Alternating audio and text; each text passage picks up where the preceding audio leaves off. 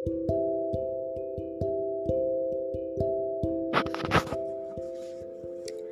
kawan kuda, apa kabar kalian?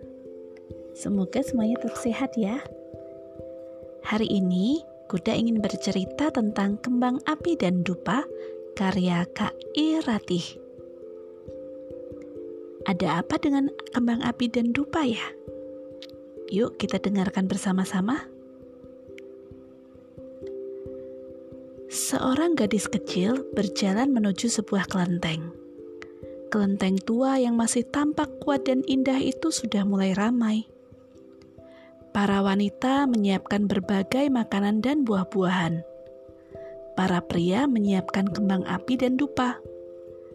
Para remaja menghias altar para dewa, sedangkan anak-anak membersihkan pelataran kelenteng. Hari ini adalah hari ulang tahun kelenteng. Sudah 88 tahun kelenteng itu menemani setiap detak kehidupan yang ada di sekitarnya. Gadis kecil tadi mendekat ke altar.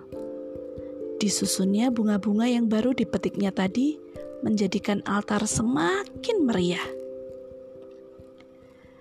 Gadis itu keluar menuju halaman kelenteng. Dilihatnya sebaris dupa raksasa berdiri tegap, berseberangan dengan deretan kembang api mereka seolah bersiap untuk tampil pada puncak acara nanti malam. Halaman kelenteng mulai sepi. Orang-orang pulang untuk membersihkan diri. Tentunya mereka akan datang lagi dengan mengenakan baju terbaik yang mereka miliki.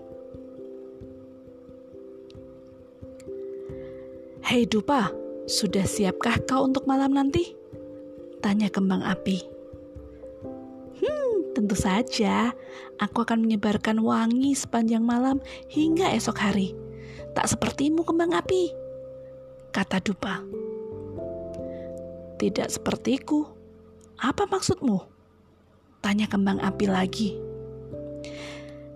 Ya, kau kan hanya muncul sesaat, lalu menghilang, jawab Dupa. Kembang api tersenyum Sebersit rasa bersalah muncul dalam hati Dupa. Dia merasa bahwa perkataannya barusan agak kurang sopan. Ah, maafkan aku, bisik Dupa. Mengapa kau harus minta maaf? Tanya kembang api kepada Dupa. Uh, Sepertinya perkataanku tadi kurang sopan. Jawab Dupa. Perkataanmu itu benar adanya. Meski kita sama-sama dinyalakan dengan api, kita memang berbeda. Namun, kita sama-sama bermakna dengan cara kita sendiri. Ujar kembang api.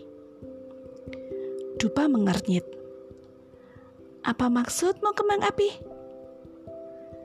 Begini, kembang api menjelaskan. Kau memberi makna dalam kehidupan manusia melalui wangimu yang melekat pada mereka sepanjang hari. Kau membuat orang menghayati betapa sakral pemujaan kepada Yang Maha Kuasa melalui aromamu yang menenangkan. Sampai-sampai penghuni surga pun berkenan menengok ke bumi karena harumu. Sedangkan aku Aku menyala sekejap. Bersuara nyaring memeriahkan acara dan meledak dalam adiwarna berbagai pola.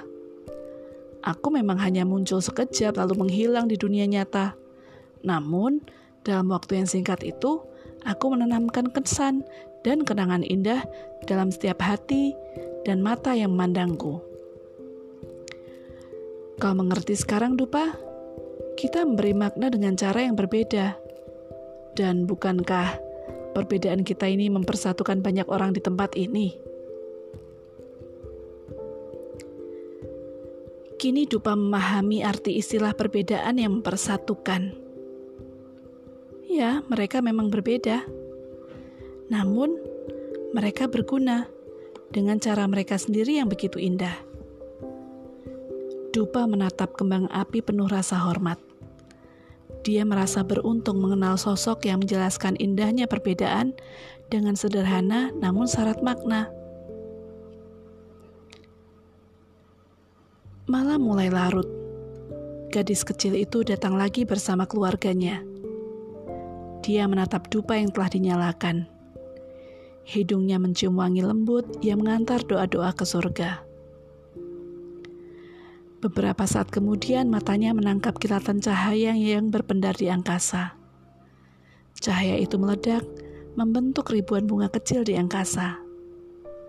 Bersamaan dengan itu, sebuah kenangan terukir di batinnya tentang indahnya perayaan ulang tahun kelenteng di kampung halamannya.